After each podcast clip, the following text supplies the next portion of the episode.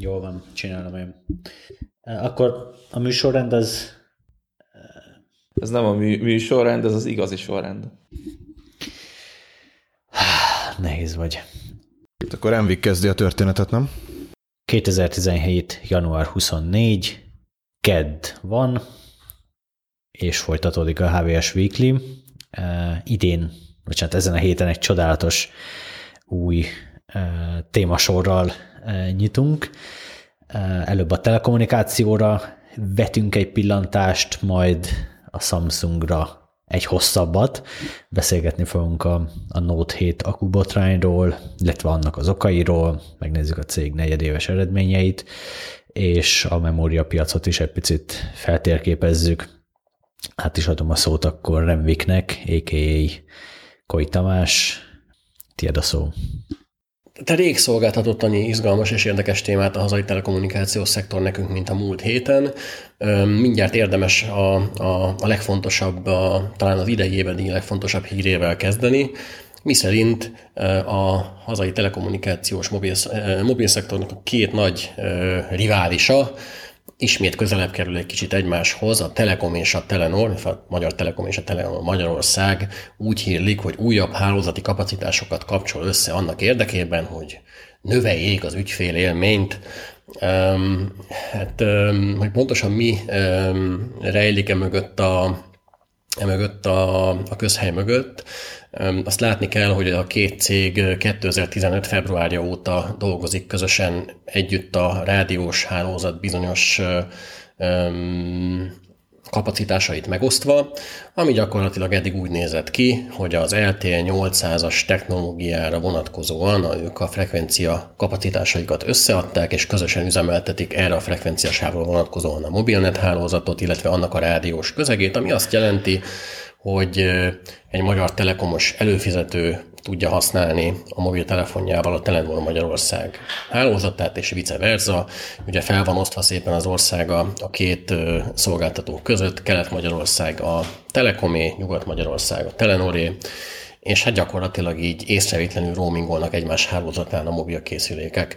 A legfrissebb plegykák, illetve hírek szerint, híresztelések szerint, amik ugye elsőként nálunk jelentek meg, vagy ezzel kapcsolatban elsőként mi írtunk Magyarországon, a két cég a 900 MHz-es hálózatra vonatkozóan is kikívánja terjeszteni ezt az együttműködést, aminek nyilván nem az a jelentősége, hogy ők most a beszéd célú kommunikációra használt frekvenciáikat vonják össze, és ezért valami, nem is tudom, jobb beszédhangszolgáltatást nyújtsanak ezen a hálózaton, hanem az a célja, hogy a 900 MHz-es sávon is tudjanak ők adat kapcsolatot biztosítani az előfizetőknek, mégpedig azoknak az előfizetőknek, akik esetleg még nem váltottak modern készülékre, és nincsen 4G képes telefonjuk, a telefonjuk, illetve a készülékük csak 3G-s hálózatra tud csatlakozni.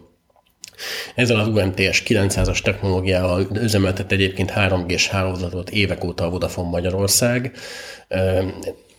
Gyakorlatilag azt kell tudni erről, hogy relatíve nagy sávszélességet, tehát a, a nyilván a 3G-s hálózatokhoz mérten nagy sávszélességet tud nyújtani ez a technológia nagy lefedettségi területen, tehát majd, hogy nem ugyanazt a, a lefedettséget tudja biztosítani, mint a, a, a 2G-s GSM hálózat. Lényegesen olcsóbban tudják így kiépíteni ugye a széles sávú hálózatot a cégek. És a, Vodafone, a Telekomnak, a Telenornak nem volt még eddig ilyen hálózat, tehát a Telekom meg a Telenor eddig maximum a, a 2100 MHz-es hálózaton tudta a, a 3G-s mobilnetet szórni, ami ugye egy lényegesen kisebb lefedettségi ö, területet jelentett. Um, nincs még hivatalosan megerősítve ez az együttműködés. Um, nagy valószínűség szerint ettől függetlenül ez napok vagy hetek kérdése, hogy a két cég előjön, és, és, és valahogy ezt a nyilvánosság elé tárja ezt, a, ezt az együttműködést. Azt gondolom, hogy egyébként nem csak a 3G-s készülékekkel rendelkező felhasználóknak lesz jó ez, hogyha ezt tényleg országos szinten bevezeti a két szolgáltató, hiszen bizonyára sok Telekom és Telenor ügyfél van köztetek, sokan tapasztaltátok azt, hogy azokban az esetekben, hogyha olyan területen vagytok, ahol éppen nincsen 4G-s hálózat, vagy nem érhető a 4G-s hálózat, ott ugye a készülék jobb hiány többnyire 2G-re vált vissza, és azért eléggé markáns különbség van mondjuk egy GPRS. Ez a jóféle edge. Így van, és azért eléggé markáns különbség van a GPRS Edge kapcsolat és az LTE hálózat sávszélessége között, tehát azt elég hamar észreveszed, hogy valami nem oké. Viszont, hogyha 3G-re migrál vissza a készülék, akkor azért annyira nincsen nagy fájdalom, hiszen mondjuk a, lehet, hogy az 50 megabites sávszélességed leesik 20-ra, de valójában ennek, vagy 10-re, de valójában ennek a te szempontodból sok jelentősége nincsen. Tehát magyarul valószínűleg azok is profitálhatnak belőle, akik modernebb készülékekkel rendelkeznek, és hát mindenképpen profitál belőle a Telekom és a Telenor, aki pedig nem profitál belőle, sőt, aki kifejezetten rosszul jár ezzel az egész összeborulással, az nyilvánvalóan a Vodafone Magyarország, aki ugye ennek a technológiának egy régi zászlóvivője egyrészt, másrészt semmilyen hálózat megosztási megállapodása nincs a másik két szolgáltatóval, tehát gyakorlatilag teljesen egyedül marad a magyar mobilpiacon, teljesen magára marad, Ettől függetlenül már persze a Vodafone-nak is van kiterjedt 4G-s hálózata, bár valamivel kisebb a lefedettsége ennek a hálózatnak, mint a, a Telekom és a Telenor közösen üzemeltetett 4G-s hálózatának a lefedettsége. De tény, hogy ez a, ez a hír, ez valószínűleg nem jött olyan jól a, a Vodafone Magyarországnak, illetve hát az is egy kérdés, hogy mondjuk ha a Digi tényleg elindult tavasszal, akkor az ő szempontjukból ez most egy alapvetően semleges vagy, vagy, vagy negatív kicsengésű fejleménye ennek az iparágnak. Én azt gondolom egyébként, hogy hogy egy picit ezzel a digi is nehezebb helyzetbe kerülhet, abban a szempontból mindenképpen, hogy, hogy innentől kezdve nagyon minimális az esély arra, hogy, hogy a Telekom vagy a Telenor bármilyen együttműködési keretmegállapodás révén frekvenciát adjon bérbe, vagy bármilyen, bármilyen nemzeti roamingot ajánljon fel a Diginek, ami felveti a kérdést, hogy hogy kimaradt a, a szolgáltatónak, milyen partnere maradt a szolgáltatónak, vagy maradhat a szolgáltatónak, és itt ugye... Mondanám pont azt, hogy ezzel gyakorlatilag, hogy a, a Telekom meg a Telenor így összeborult, így a Vodafone meg a Digire van szorulva egy picit, nem? Vagy fordítva? Hát így van. Tehát, tehát itt, hogy, hogy mindkét irányba igazából. Itt, itt, itt azt gondolom, hogy egy egy csodálatos barátság kezdetének lehetünk akár a, a mondjuk így a vélt szemtanúi, vagy a remélt szemtanúi. Tehát valóban, ahogy mondod, a, a, a Diginek nagy szüksége van egy, egy partnerre, akinek már kiterjedt hálózata van, illetve hát van egy cég Magyarországon, akinek elég sok hálózati, felesleges hálózati kapacitása van, amit... Mondd el, hogy miért van szüksége a Diginek erre az együttműködésre? A Digiről annyit kell tudni, hogy bár ők nagyon sokszor hangoztatják azt, hogy, hogy eltökélt céljuk az, hogy országos lefedettségű mobil hálózatot, vagy mobil szolgáltatást nyújtsanak az ügyfeleiknek, ők valójában olyan frekvenciákat szereztek a 2014-es frekvencia pályázaton, illetve azt követően különböző ilyen, ilyen frekvenciaszerzési módokon, ami kevéssé alkalmas arra, hogy hogy kevés cellával viszonylag nagy országos lefedettséget valósítsanak meg. Itt ugye 1800 MHz-ről beszélünk, amit a, amit a három másik szolgáltató ugye elsősorban 3G-s hálózatra, illetve beszédcélú átvitelre használt eddig. Az 1800 MHz-es cellákkal országos hálózatot lefe, ö, kialakítani rettenetesen sok pénzbe kerülne a Diginek, ezért a Diginek akárcsak Romániában ö, égető szüksége lenne egy olyan partnerre, a, aki a, mondjuk a 900 MHz-es beszédcélú hálózatból ö, tud nemzeti roaming keretén belül valamennyi kapacitást adni ö, a, a Diginek És hát ugye ez megtörtént már egyébként egyszer Magyarországon, tehát volt már erre példa a pont a Vodafone esetében, mikor a Vodafone megjelent 1999-ben a magyar piacon, akkor ugye a Vestel, akkor még Vestelként működő ö, Telekom, illetve a Panonként működő Telenor, vagy Panon GSM-ként működő Telenor ugyanígy nemzeti roaming keretében adott kapacitást a, a Vodafone-nak.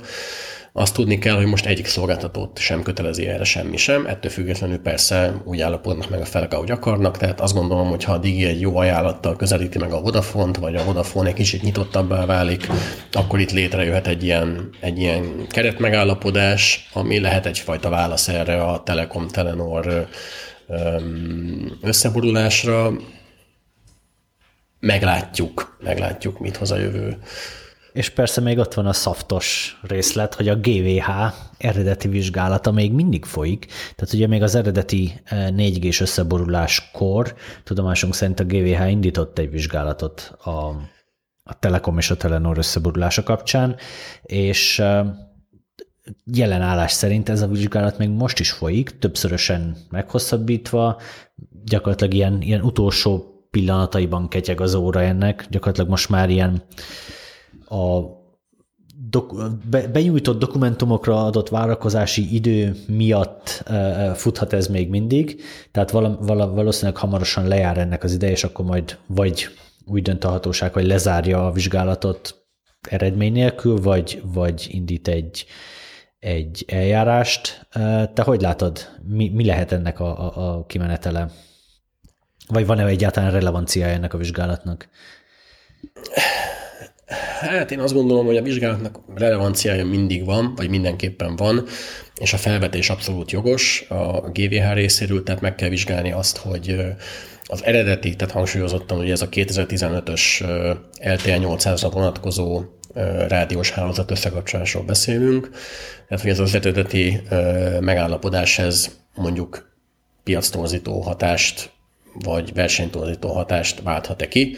Tehát igenis ezt vizsgálja a GVH, és jól mondod, itt valójában ez egy nagyon régóta húzódó, most már lassan két éve húzódó vizsgálat, holott ugye elvileg a, a vonatkozó jogszabályok szerint ez egy fél év alatt, illetve ezt még kétszer fél évig meg lehet hosszabbítani, tehát egy fél éves határidővel, plusz két és, kétszer fél év határidővel, tehát másfél év határidővel be kellett volna fejeződjön. Nyilván itt hogy vannak ilyen administratív folyamatok, amik ezt meghosszabbíthatják, ezt az egész vizsgálatot. Én ettől függetlenül azt gondolom, hogy a GVH nem fogja elkaszálni ezt az együttműködést. Valószínűleg azért nem, mert itt azért még ez egy elég lájtos hálózat összekapcsolásnak minősül, tehát a rádiós elemeknek a, a közösítése az azért még nem az a szint, amikor az operátorok a mondjuk a MAC hálózatokat is összekapcsolják, vagy, vagy egyéb ilyen, ilyen kor, korszintű összefonódásokat csinálnak, tehát gyakorlatilag olyan, mintha, mintha, mintha összeolvadnának egy, egy közös vállalattá, tehát itt erről azért szó sincs. Itt külön van az ügyfélkezelés, külön van a, a, a számlázás, minden külön van, egyedül bizonyos rádiós kapacitásokat vonnak össze. Most kérdés az, hogy persze ez meddig mehet, tehát most az LTE 800 után jön az UMTS 900, ezt, hogyha ez a, erről születik egy megállapodás, nyilván ezt is vizsgálni fogja a GVH, de hogy meddig lehet elmenni ebben. Tehát, hogy eljuthatunk egy olyan szintre mondjuk, hogy az a két cég egyszer csak azt mondja, hogy jó, hát akkor mi mindent összekapcsolunk, és akkor tessék, itt van, mi ugyan két cég, két külön cég vagyunk, viszont minden rádiós kapacitásunkat összeadjuk, és akkor aztán tényleg nem tudom, hogy áll meg ezelőtt a Vodafone, tehát nyilván ezt majd a versenyhatóság mérlegeli, hogy erre erre akar-e lehetőséget biztosítani a, a, ennek a két szolgáltatónak, vagy nem, vagy van-e ennek tere, vagy nincs, vagy hogyan befolyásolja ez a verseny, tehát ez valószínűleg újabb hosszadalmas hónapok, vagy akár évek elteltével fog csak kiderülni, illetve hát azért azt is látni kell, hogy az ilyen megállapodásokat a Nemzeti Média és Hírközlési Hatóságnak is jóvá kell hagynia,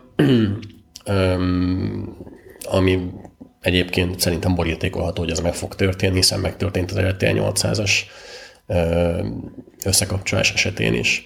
De ha már a GVH-ról beszélünk egyébként, és talán azt hiszem eléggé kiveséztük most már ezt a hálózat összekapcsolósdit, akkor szerintem térjünk át a múlt hét másik bomba hírére, ami ugye egy nappal azután került nyilvánosságra, hogy erről a hálózat összekapcsolásos sztoriról mi írtunk.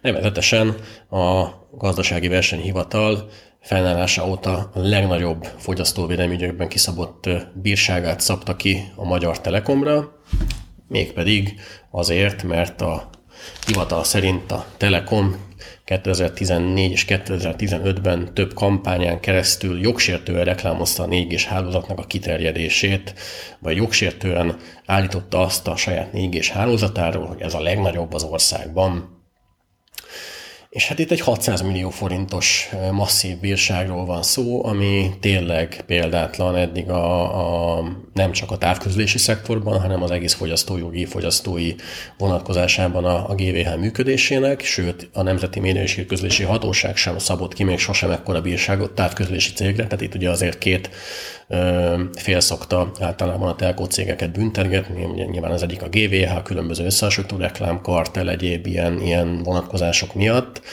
bár megjegyzem, kartelügyben még, ha jól tudom, nem volt bírság telkó szektorban Magyarországon, a Nemzeti Média és Hírközlési Hatóság pedig, pedig az egyéb aspektusokat szokta vizsgálni, az elektronikus hírközlési törvénynek való megfelelőséget, a szerződéses ö, viszonyokat, stb. stb. Ez egy nagyon érdekes büntetés, illetve nagyon, hát nyilván egy bozasztó nagy összegű büntetés, ezért mindenképpen figyelmet érdemel, de nagyon érdekes indoklása van ennek a, a, a büntetésnek, amire ugye sokan legyintettek is, nyilván főleg telkó oldalról. Mi is egy kicsit VTF arcot vágtunk, amikor elolvastuk, az az igazság. Igen, hát ugye a gazdasági versenyhivatal azt mondja, hogy ugye az volt a fő üzenete ennek a kampánynak, hogy, hogy, hogy mekkora a Telekom 4G hálózatnak a, hálózatának a mérete, és hogy ez milyen nagy, és, és nagyobb, mint a másik két versenytársnak a, a hálózata. Viszont, hogy az viszont aggályos, hogy ez a megállapítás ez csak egy adott időpontra vonatkozik, holott az ügyfelek azok ugye hosszú távra kötnek szerződést a szolgáltatókkal, általában itt ugye két éves hőségszerződésekről beszélünk, és hogy ez alapján mi a garancia arra, gyakorlatilag ezt írta le a GVH, mi a garancia arra, hogy ez az állapot ez két év múlva is fenn fog állni. Na most hát ez alapján ugye semmilyen megállapítást nem érdemes tenni ezek után valószínűleg semmilyen hálózati paraméterre vonatkozóan a szolgáltatóknak a reklámjainkban, hiszen ugye ugyanilyen indoklással kaphatnak ugyanilyen határozott a nagy összegű büntetést a gazdasági versenyhivataltól, mert bár egyébként a hivatalnak az érvelése is érthető valahol, hiszen itt tényleg egy nagyon dinamikusan fejlődő iparágról van szó, amit mi sem érzékeltet jobban, mint az a tény, hogy ugye a, a Telekom, amikor ezt a reklámkampányt elindította, itt 2014. októberéről beszélünk, egyetlen egy nap alatt, 2014. október 17-ről 18-ra viradóan 53%-ról 73%-ra emelte a 4G-s hálózatának az országos kültéri lefedettségét. Um, most nyilván ezt nem tette meg utána a Vodafone meg a Telenor valamilyen okból kifolyólag, um, tehát a Telekom abban az időpontban tényleg joggal ö, hivatkozott arra, hogy a legnagyobb hálózattal rendelkezik, 4G-s hálózattal rendelkezik az országban.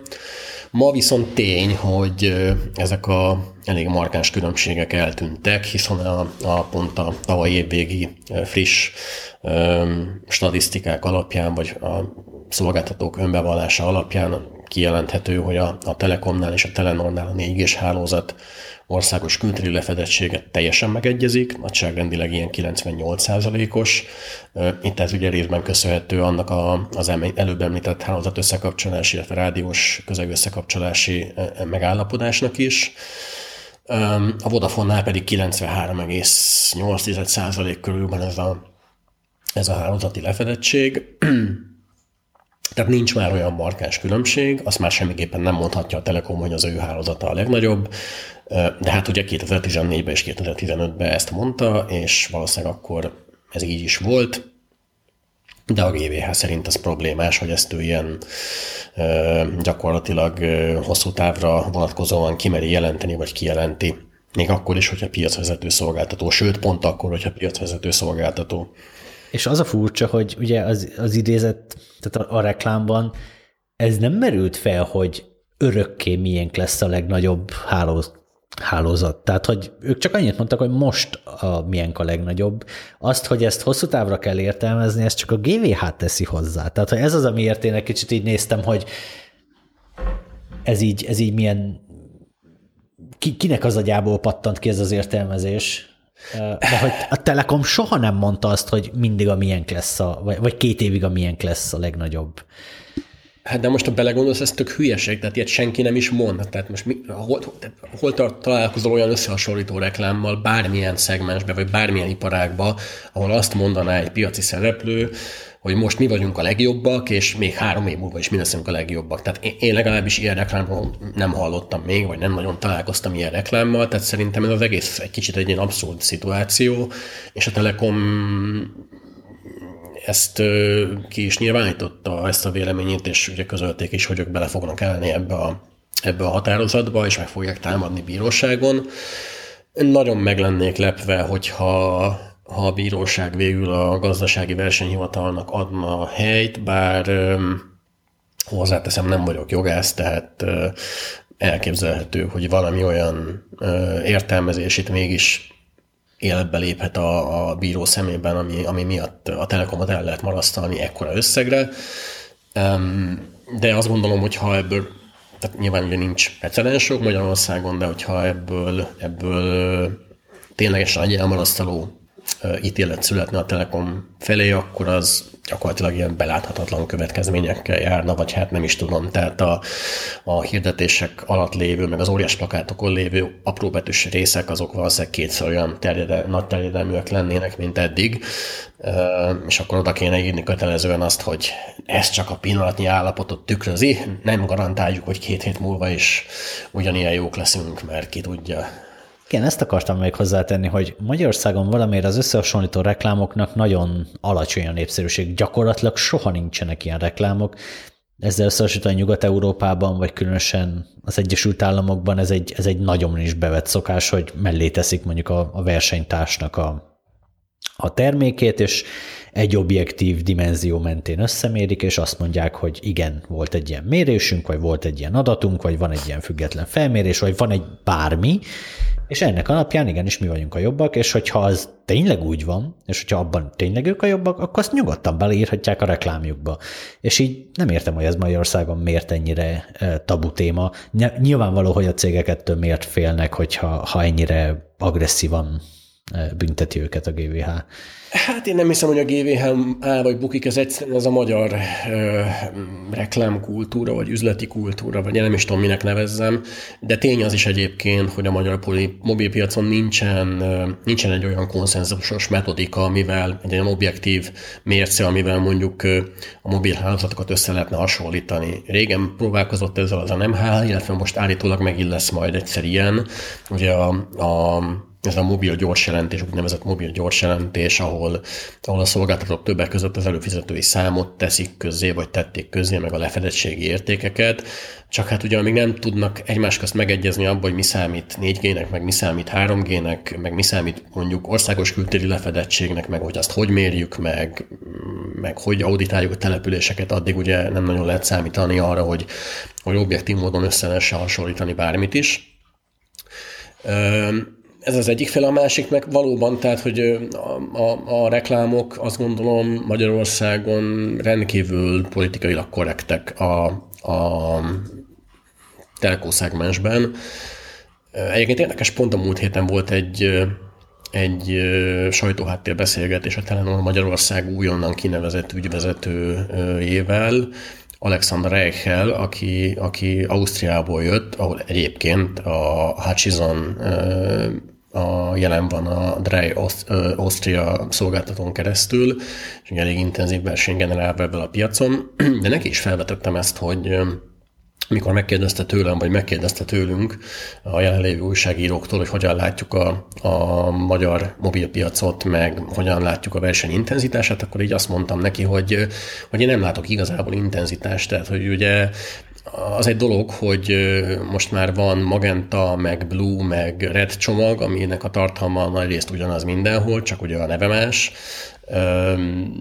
de, de, hogy, de hogy nem látom azt a reklámokban, hogy, hogy bárki azt merné mondani, vagy azt akarná mondani, hogy figyelj ide, gyere hozzánk, mert mi sokkal jobbak vagyunk, mint a másik kettő. És itt ugye pont az amerikai példát hoztam fel a, a, az új ügyvezetőnek, hogy nézzek, nézzenek meg egy, egy mondjuk egy, egy, egy, egy T-Mobile USA vezetőt, aki, aki ugye a John Leisure, aki, aki kiáll a, a színpadra, egy, nem tudom, hol egy MVC-n, vagy, vagy akárhol egy, egy, egy amerikai rendezvényen, és belővölti a mikrofonba, hogy gyerekek, az AT&T kibaszott szar, miért nem jöttek át hozzánk? És ez Magyarországon, de szerintem megint nem csak Magyarországon, úgy általában véve Európában, ez teljesen elképzelhetetlen. Pedig ha belegondoltok, ennél egyszerűbb üzenetet nem lehet továbbítani. Tehát ennél világosabb, egyszerűbb üzenetet nem lehet mondani, és ha tényleg megállja a helyét, de még egyébként nem is állja meg a helyét. Tehát, hogy tehát valahol felvállalják a, a, a tengeren túlon ezeket a, ezeket a konfliktusokat. Nyilván mondom, ott, ott, ott egészen más a, a, a, versenykultúra, a céges kultúra, sőt, általában véve ez a let's do this jellegű hozzáállás, ez, ez, ez ott nagyon dívik, itt, itt errefele annyira nem, meg óvatosak vagyunk, meg csináljuk, de előtte a jogászok azért nézzék át, meg még beszéljük meg a nem tudom kikkel is, meg, meg felhívom az anyukámat is, hogy ő egyetérte vele, tehát Magyarországon ez, ez, ez egyelőre sajnos így megy, nem tudjuk, vagy nem tudom, hogy fog ez valaha változni. Én remélem, hogy fog. Ugorjunk témát. A hét eddigi legnagyobb sztoria az volt, hogy legalábbis szerintem, hogy a Samsung végre publikálta a vizsgálat eredményét a, a Note 7 akuk kapcsán, és roppant érdekes eredmény született. Gyakorlatilag egy hihetetlenül érdekes sztorin bukott el a, a, a Samsung. Két beszállítóval dolgozott, és ilyen teljesen hihetetlen módon, teljesen függetlenül egymástól mind a két beszállító e, rossz akut e, szállított be a, a Note 7-be. Feri, mik a részletek? Úgy nézett ki a történet, hogy valóban kettő beszállítóval dolgozott először a Samsung, illetve hát végig, ami hozzánk is többek között eljutott. Ez a Samsung SDI-nak a terméke volt ez az akkumulátor, ami Magyarországon forgalomba került Note 7-esekben is helyet kapott. És első körben, ugye az első visszaívásnál, amikor először elkezdtek elfüstölgetni ezek a készülékek, úgy tűnt, hogy csak ennek a gyártónak a az akkumulátorai hibásak. Aztán, ami után a második körben kiadott eszközök is durogtak, azután látni lehetett, hogy, hogy itt már nem erről van szó, nem csak egy gyártónak az elszigetett hibájáról van szó, és hát akkor nézzük, hogy mi, mi is okozta ezeket a, ezeket a túlmelegedéseket, illetve gyulladásokat. Az Samsung SDI-nál dupla, sőt, igazából mind a két gyártónál dupla hibáról beszélhetünk. Az első esetben a, az akkumulátorok tokozása volt hibásan megtervezve. Ez úgy nézett ki, hogy a, a jobb felső sarkában az akunak túl szűkösre sikerezett ez a tok, és ezért az akunak a negatív elektrodái, ezek így elhajoltak, elgörbültek, és így már egy kisebb fizikai behatásra is könnyen zárlat keletkezhetett az akkumulátorban. Ugyancsak rátette erre még egy lapáttal a második hiba, hogy ezeket az elektrodákat túl hosszúra tervezte a, a gyártó, így, így fokozottan nőtt a, a rövid zárlatnak a kockázata, és hát egy, egy, már egy viszonylag kis behatás, vagy szerencsétlen esetben akár normál használat mellett is ugye felgyulladhattak ezek a készülékek, és akkor jött a visszahívás, Samsung az összes a Samsung SDI-tól származó akut visszahívta, illetve az akuval szerelt Note 7 és helyette az ATL, azaz a másik gyártó, ennek egyébként a teljes neve az Amperex Technology Ltd., na mindegy, szóval az ATL, ATL-től származó telepekkel felszerelt telefonokat adta ki, és akkor ezek is elkezdtek egyszer csak elfüstölgetni, itt már teljes pánik volt a, cégnél, hogy érthető módon. Itt a hibát a rossz hegesztés okozta, tehát itt, itt már normálisan meg tudták a tokozást oldani, viszont a, a hegesztési folyamat már nem volt az igazi, itt a pozitív érintkezőnél nem megfelelően végezték ezt a folyamatot, és a, és a varratok túlságosan nagyok, illetve túl hegyesek lettek, amelyek a, az akku burkolatával így a használat közben érintkezve, főleg, hogy ugye miután az akkusit töltjük, meg merítjük, ez, ez mérhetően tágul, illetve zsugorodik is. Itt a surlódás közben ezek ezt a burkolatot át tudták hasítani, illetve kikoptatni, úgymond, és itt is következett a, a rövid zárlat, úgyhogy ez, illetve még, talán ennél még nagyobb hiba is volt a, az ATL-nél, ugyanis sok helyen, vagy több esetben a az akukban elhelyezett szigetelő anyagokat is kispórolták, vagy kifelejtették a, a telepekből, ami tovább fokozta a kigyulladás, illetve túlmelegedés kockázatát. Uh, igen, tehát gyakorlatilag erre vezethető vissza ez az egész történet egy elképesztően szerencsétlen helyzetről van szó, hiszen a, tényleg két gyártó, két teljesen különböző hiba, és mind a kettő ugye gyakorlatilag ugyanazt az eredményt produkálta, és ugyanazt az igen veszélyes eredményt produkálta. Ez óriási szerencséje volt a Samsungnak, hogy idézőjelben csak ennyivel megúszta, miután, hogyha ebből valami lakástűz, vagy, vagy, vagy személyi sérülés, ne Isten haláleset történik, akkor, akkor ez sokkal-sokkal nagyobb uh, buktát, meg, meg, meg PR kárt is okozhatott volna a cégnek. Szerencsére ilyen nem történt, de tényleg egy, egy ilyen ott felejtett töltődő telefon, ami, ami egyszer csak kigyullad, te rossz helyen van letéve a lakásba, esetleg egy járműbe valami, ez, ez egy komoly, komoly tüzet okozhat. Nyilvánvalóan a Samsung a jövőben mindent megtesz, hogy elkerülje a hasonló helyzeteket, és ezért egy ilyen nyolc lépéses... Erre, erre fogadni értem volna, hogy azt fogják mondani. Hát, de én ezt el is hiszem nekik egyébként. Ezt mindent. Tehát igen, én el is hiszem ezután, tehát hogy egy, ez egy sok milliárdos, valamilyen 5, 5 milliárdos kiesést jelentett a cégnek, ami, ami brutális összeg, valószínűleg ezt nem akarják még egyszer megkockáztatni. Az meg a másik fel a dolognak, hogy kénytelenek ezt gőzerővel kommunikálni, és ugye, hogy mennyire mennyire ellenőrzik ezeket a dolgokat. Tehát ami most ugye a hivatalos álláspont az, hogy egy, egy 8 lépéses vagy 8 pontból álló biztonsági ellenőrzésen fognak ezentúl átesni az akuk.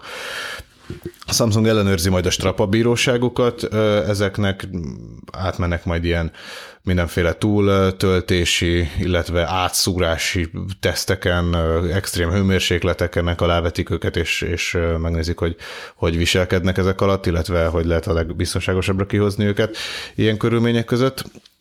Lesz egy vizuális megfigyelés nevű lépése a dolognak, hát én gondolom szépen nagyítóval végig mennek, hogy vannak-e rajta nem is tudom, mikrorepedések, illetve hát ahogy a cég fogalmazik, az a standardizált, objektív kritériumok alapján nézik meg ezeket. Röngen alatt is átvizsgálják az akukat, továbbá lesz egy ö, nagy mennyiségű töltési cikluson is átviszik őket, tehát Mondjuk ez érdekes egyébként, mert hogyha, hogyha rengeteg ilyen töltési cikluson végigpörgetik, kérdés, hogy mennyiben, de ugye ezek az akuk, ezek X mennyiségre vannak hitelesítve. Most nyilvánvalóan korábban is voltak hasonló tesztek, mielőtt forgalomba kerültek volna ezek az aksik, de hogyha ezt mondjuk minden egyes telefonon lejátszák, és számottevően több vagy hosszabb tesztel, mint mondjuk eddig, akkor még akár az is lehet, hogy egy azonos kapacitású akku az a biztonságosabb tesztek után végül is rövidebb élettartamú lesz, mint előtte. Nyilván ez csekély jár azért, hogy ne robbanjon szét a telefon a zsebünkben, de hogy, hogy mindegy, ez is érdekes lehet esetleg.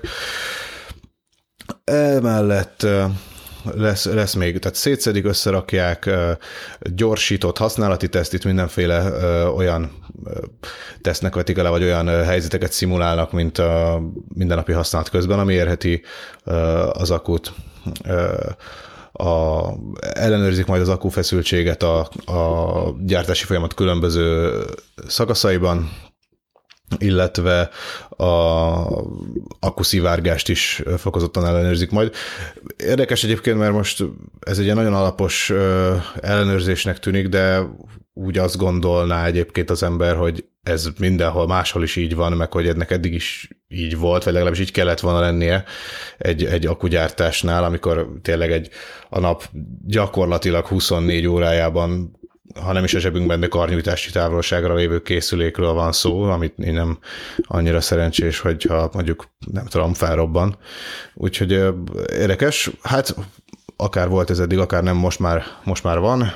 Úgyhogy nagyon biztonságosak lesznek az ígéret szerint ezentúl a Samsung készülékek, ugye hát bízunk, bízunk benne, hogy ez valóban így lesz. Még egy, egyébként egy ilyen speciális védőkeret is kerül majd a, az akuk köré ezen túl, ezt is megtudtuk a Samsungtól. Egyébként még arra érdemes kitérni, hogy, hogy ugye a Note visszahívás, az, a teljes körű visszahívás az, az ma is ezerre az akatól. Most már majdnem az összeset sikerült visszahívni, a majdnem az összes alatt a 96 át értjük a készülékeknek, tehát hogy azért még mindig egy 4 valahol ott van a vadonban, ami 3 millió nótot adtak el összesen, és akkor így egy rövid fejszámolás után kiderül, hogy ez 120 ezer darab környéki készüléket jelent, ami, ami még így kint van valahol tulajdonosoknál itt ott ott.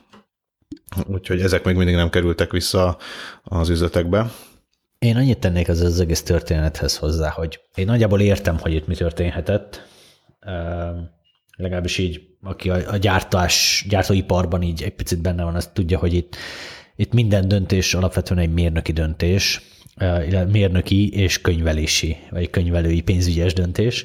Tehát akkor, amikor egy cég úgy dönt, hogy itt most bevezet egy, egy valamilyen új folyamatot, legyen az mondjuk minőségbiztosítás, vagy legyen az bármilyen másik folyamat, akkor mindig az a, a számolás megy, hogy ezzel a folyamattal, ha bevezetjük, mennyit tudunk spórolni. Tehát, hogyha egy cég úgy dönt, hogy mostantól minőségi termékeket gyárt, tehát mondjuk kiküszöböl egy, egy fontos típushibát, akkor ő azon azzal spórol, hogy kevesebbet kell neki a szervizben a jótállás meg a, a, a szavatosság miatt tehát költséges spórol meg a jótállás, meg a szavatosság kapcsán a visszahordott termékek, meg a garisztatás, meg a, a szervizelés oldalán.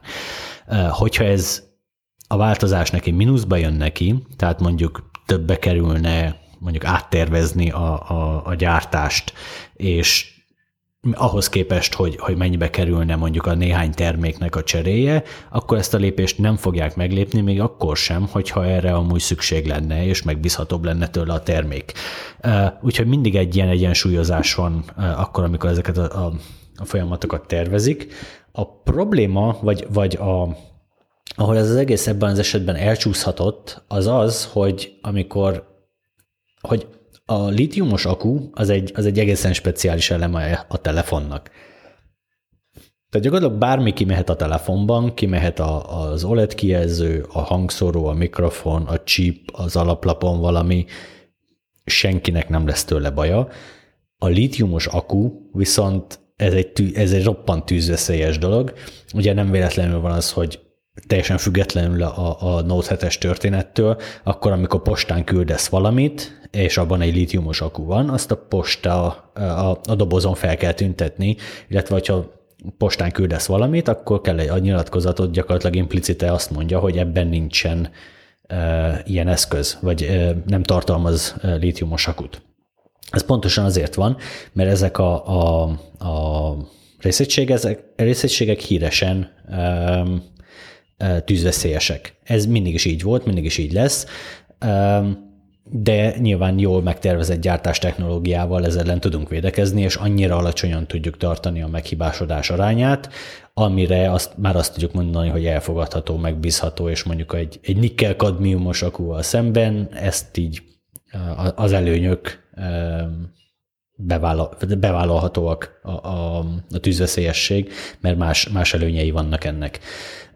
De oda akartam visszatérni, hogy itt valószínűleg volt egy, egy döntés mondjuk a minőségbiztosítási csapat részéről, akik azt mondták, hogy hát ezeket az akukat nem fogjuk ilyen behatóan tesztelni a Note 7 esetében, és ez a döntés viszont csúnyán visszaütött, mert pont az akuk esetében kellett volna beható minőségi ellenőrzés, még akkor is, hogyha mondjuk a telefonnak más részeire azt mondják, hogy még igazából ez annyira nem fontos, inkább kicseréljük majd olcsóbban, olcsóbb azt megoldani. Viszont amikor már a, a az emberéletekről van szó, hiszen potenciálisan életveszélyes ez a telefon, akkor nyilván egy kicsit más a, a számolás, és akkor nem a pénzügyes szempontok kerülnek a legelőtérbe, hanem, hanem a PR, meg, meg nyilván, tehát igen, szerencsére senki nem, nem halt meg, vagy senki nem e, sebesült meg súlyosan ettől, az, az azért egy elég kemény e, probléma lett volna, hogyha, hogyha egy ilyesmi beüt. Itt szó, mint száz ilyen e, gyártási hibák e, borzasztó e, sűrűn előfordulnak, és ezek, ezt a gyártók javítják, hogyha megéri, nem, nem javítják, ha nem éri meg, de, de az akuk azok pont egy olyan terület, ahol, ahol nem kell ilyesmit. Nem, nem, nem érdemes ezeket a, a sarkokat levágni. És ha már a Samsungnál tartunk, akkor emlékezzünk meg arról, hogy ha már egy picit megcsúsztunk a, a podcasttal, akkor pont beértük a Samsung negyedéves jelentését. Ez a, a december 31-ével záruló e, négy, három hónapról van szó, tehát október, november, december, a legfontosabb három hónap az évben, különösen egy olyan gyártónak, mint a Samsung, aki okostelefonokban és e, konzumelektronikában utazik, tehát a, a, karácsony az nekik karácsony. És az a meglepetés, hogy bevételt tekintve gyakorlatilag pontosan ugyanannyi jött ki, mint 2015 végén, ami részben probléma, mert ezek a cégek mindig szeretnek nőni. Mondom is pontosan, hogy mennyi pénzről van szó. Egy negyed év során a cég 47, bocsánat, 45,7 milliárd dollár forgalmat generál. Ugye ezt koreai vonban, de abból átszámoltam a mai árfolyamon dollárra, hogy így nagyjából tudjuk mondjuk egy Apple-höz hasonlítani. Tehát 45 milliárd dollár, ennyi volt 2015 végén is. Ami viszont változás 2015 végéhez képest, az a, a nettó profit, ami 2,76-ról 6 milliárd dollárra ugrott, tehát több mint duplája lett, és ez egy, ez egy igen tisztességes szám, még akkor is, hogyha ez mondjuk messze elmarad az Apple hasonló számaitól. És jól mutatja, hogy, hogy egy ragyogó negyedévet zárt most a, a, Samsung, annak ellenére, hogy, hogy volt ugye ez a, a nótos probléma. És annyira különleges a helyzet, hogy most nagyon durván húz a cég félvezetőipari részlege. Ugye azt mindig is tudtuk, és, és szeretjük elmondani, hogy a Samsungnál eh, több ilyen nagyobb divízió van, van a konzumer elektronika, eh, van az informatikai és mobilos eszközök, illetve vannak a, a különböző komponensgyártás. A komponensgyártás az félvezetőipar, meg kijelzőpanelek, az informatika és mobilok az mobilokból és okos, eh, mobil, mobilokból és PC-kből áll, de annyira pici a, a, a PC-s részleg, hogy ez gyakorlatilag a, a mobilokat takarja. Eh, a konzumer elektronika meg a, a konzumer elektronika a tévéktől a hűtőkön és a, a változatos um, egyéb konyhai meg, meg különböző berendezéseken át mindenféle ilyen eszközt tartalmaz. És akkor mondjuk az a nagyon durva, hogy miközben bevételben a körülbelül négy ötöd, bocsánat, két ötöd, két ötödöt ad a mobil és a komponensgyártás, egy ötödöt pedig a konzumerelektronika bevételben. Ehhez képest viszont az üzemi eredménynek eh, gyakorlatilag kétharmadát adja a komponensgyártás, és annak is eh, túlnyomó részét gyakorlatilag 80%-át a félvezetőgyártás. Tehát ami igazán profitábilis, és tényleg a, a, a cég által elért profit túlnyomó részét adja, az konkrétan a félvezetőgyártás lett. Ez nem volt mindig így. Eh, tavaly eh, sokkal kiegyensúlyozottabb volt a, a helyzet a, az okostelefonok és a, a félvezetők között, gyakorlatilag közel legál volt. Idén viszont, és mondom is a számokat, idén a félvezetők 4,2 milliárdos üzemi eredményt értek el, miközben a mobilok csupán 2,1 milliárdot. És ez a gyakorlatban annak köszönhető, hogy a, Samsung az elmúlt években nagyot fogadott a, a memóriára. A DRAM-ra, tehát a standard DDR3, DDR4, LPDDR3, LPDDR4 mobilos RAM, és a, a non-chipek, tehát az okostelefonokban, laptopokban, szerverekben található SSD-kben is használt non-chipekben, non-chipekre. Mind a kettőből elképesztő gyártókapacitást épített ki, és technológiai szinten is elképesztően sikeresek, tehát gyakorlatilag a piac vezetőjének számítanak technológiai szempontból is. A DRAM-nál ez elsősorban a a memóriacellák sűrűségében e, nyilvánul meg, a NAN-nál pedig a, az új rétegzett e, NAN csipek réteg számában. Ez, ide, ez most e, 40, a, a negyed évben ez a 48 rétegű NAN volt az, ami elképesztően húzott. És ez a fogadás azért jött be a Samsungnak egyébként, mert az elmúlt néhány negyed évben a DDR és a, illetve a DRAM és a NAND is elképesztő növekedésnek indult. Tehát a, ezeknek az eszközöknek, lap, lapkáknak az ára az a piacon elkezdett nőni. Annak köszönhetően, hogy a kereslet az most már túlszárnyalja a kínálatot. Az elmúlt években nem volt így, a túltermelés volt, minden gyártó próbált előre menekülni, és egyre újabb gyárakat épített, és ezzel próbálta magát minél előrébb pozícionálni. Tehát, hogy egyre több gyárat indítottak be, ez pedig lenyomta a, a piacon az árakat.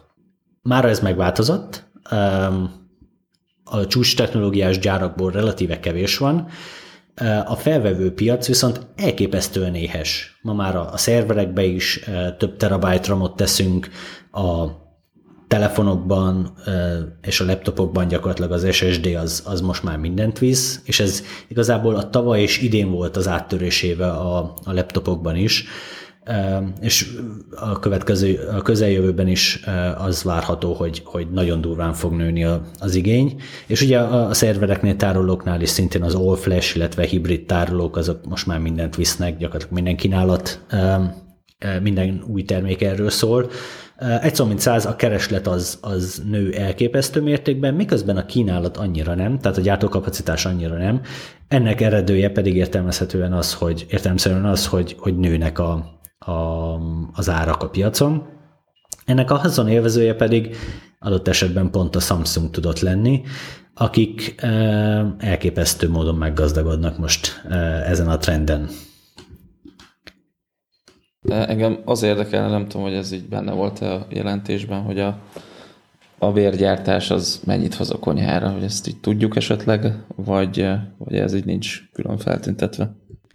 Külön nincsen feltüntetve, annyit tudunk, említés szinten van benne a, a negyedéves jelentésben, hogy, hogy ebben a negyedévben annyira nem húzott, a következő negyedévekben viszont, ahogy felfut a 10 nanométeres gyártás technológia, és, és piacra kerülnek a 10 nanométeres csipek, ott majd újra meg, megrántja az alkalmazás processzorok eredménye majd a, a félvezető félvezetős részleg eredményét. Tehát a negyedik negyed évben ez nem volt látványos. Azt mondja a Samsung, hogy a, belépő és középkategóriás alkalmazás processzorok viszonylag jól mentek, hallgatólagosan akkor ezek szerint a felső kategóriások annyira nem, de a következő negyed években majd a 10 nanométer felfutásával ez, ez megint csak változni fog.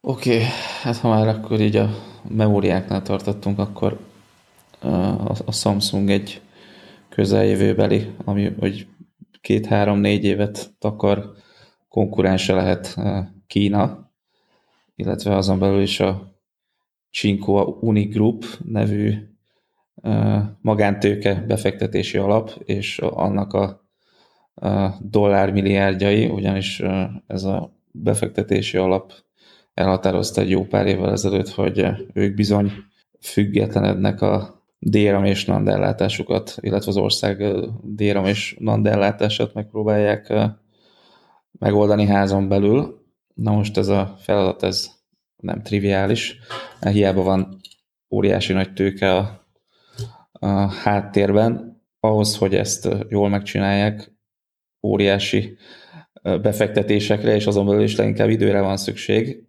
mert a technológiát kifejleszteni az, az, az több év alaphangon.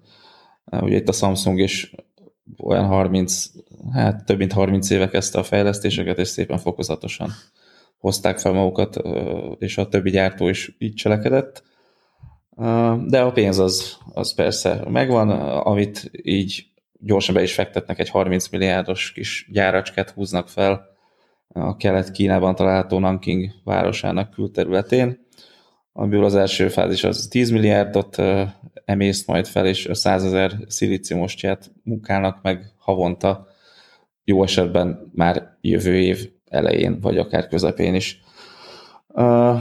Hogy, hogy a technológiát az honnan szerzik, azt egyelőre nem lehet tudni, de itt felmerült az, hogy esetleg a, a Samsung hegemóniáját megtörve valamelyik konkurense, akár a SK Hynix, ami szintén egy dél-koreai érdekeltségű és bázisú memóriagyártó, vagy esetleg a, a Toshiba, ami ugye egy japán vállalat, esetleg licenszeli nekik a technológiát, és ezzel is kicsit alávágnak a Samsungnak, aki, mint említetted, mind a DRAM, mind pedig a NAND piacon óriási befolyással és piaci részesedéssel rendelkezik. Emlékeim szerint olyan 40 os mind a két területen a részesedése, amivel ugye abszolút piacvezető, és ezért ezt így meglovagolva nagy kontroll alatt tudja tartani a piacot, és akár gondolhatná ezt a Samsung, hogyha neki éppen az jövedelmezze, hogy most így kicsit megtolja a gyártást, és, és akkor az egy szép kis árcsökkenésben mutatkozna meg. De visszakanyarodva a kínaiakra, ugye arra játszanak, hogy, hogy függetlenítik magukat, hogy a kitettségüket csökkentik, ugyanis az ország félvezető exportja az például három évvel ezelőtt meghaladta a kőolaj, illetve import, bocsánat, tehát a behozatala az meghaladta a, kőolaj importot, ami ugye 21%-ban mutatkozott meg. 2015-ben például közel 18 milliárd dollár értékben importáltak déramot, ami a chip 17%-a, és a, a Nandok pedig közel 9 milliárdos összegben áramoltak be az országba, ami 8%-at jelentik a, a félvezető importnak, ez azért egy óriási összeg, és ezt próbálják majd csökkenteni. Kíváncsi vagyok, hogy milyen sikerrel jön ez össze, főleg azért, mert a technológiát azt, azt azért nem biztos, hogy sikerül bezsebelni. Ugye egyrészt ott van az, hogy azzal, hogyha valaki eladja ezt a technológiát, azzal esetleg a, a, ott csattan rajta az astor, hogy ugye kész termékeket, téram, nancsipeket attól kezdve nem fognak tőle vásárolni.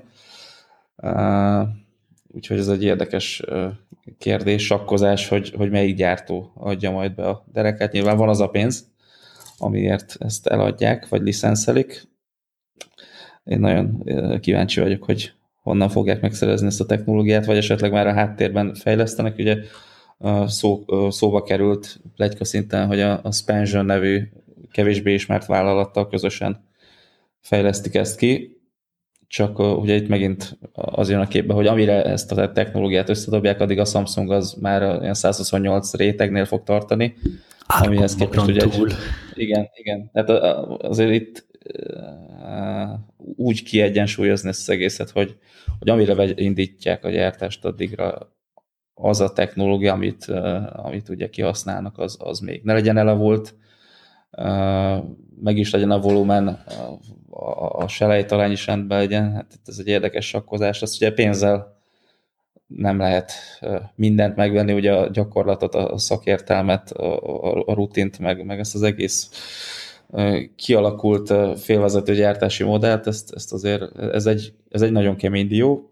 Nem véletlen, hogy hogy ebben van már csak lemaradva Kína szinte. Minden másban azért, azért ez viszont, úgy behozta. Ez viszont elég fájdalmas lemaradásuk, ugye? Igen, igen, igen.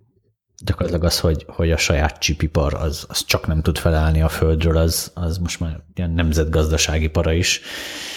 Um, és nagyon, ez viszont nagyon érdekes, hogy látszik, hogy egy ilyen, egy ilyen koreai, japán, amerikai technológiai embargó is jól működik, hogy gyakorlatilag kínaiak nagyon sok mindent le tudtak másolni, majd amit lemásoltak, azt, azt saját fejlesztések alapjaiul újra hasznosítani. Valahogy a félvezető gyártásban ez, ez egyelőre nem jött be.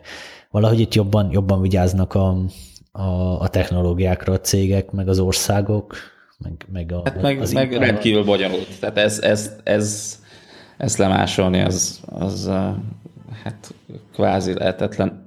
Egy mikroarchitektúrát még csak-csak le lehet másolni, ugye annak idején az AMD állítólag a 386-os Intel fejlesztést azt így egy az egy belemásolta, de egy félvezető gyártási technológiát, főleg manapság, amikor már annyira komplex és bonyolult az egész fejlesztés, hogy a legnagyobbaknak is időről időre beletörik a bicskájuk, itt ugye felhozhatnánk. Például az Intelt, aki a 14 nanométerrel baromi sokat szívott, pedig ugye ők a, a, a technológiai vezetők félvezető még legalábbis, úgyhogy ez, ez, ez egy baromi kemény dió, és ezt így, így kútfölből hiába vesznek szakembereket, összeállítani a csapatot, meg nulláról kifejleszteni, vagy akár nem is nulláról, de, de közel nulláról, az, az, az egy óriási kihívás, és akkor ugye ott ketyeg az óra mellette, hogy oké, okay, hogy kifejlesztik, de addigra hol lesznek azok, akik már évtizedek óta ezt csinálják, és ezzel foglalkoznak.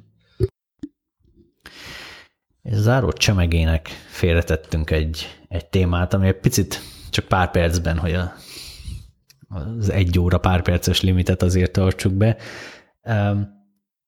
Ha Huawei lett volna ebben a problémában, amiben a Samsung került a, a, a Note-tal, akkor lehet, hogy ők javították volna a telefont?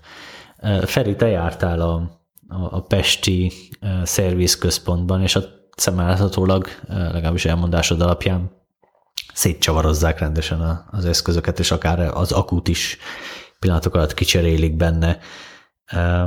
Hogy működik ez? Hát bizony elképesztő, hogy hol tart az tudomány, hogy manapság már egy akut is ki tudunk cserélni egy, egy telefonban. Én valóban megnyílt most egy ilyen, ilyen Customer Service Center a, a Huawei-nek a József körúton.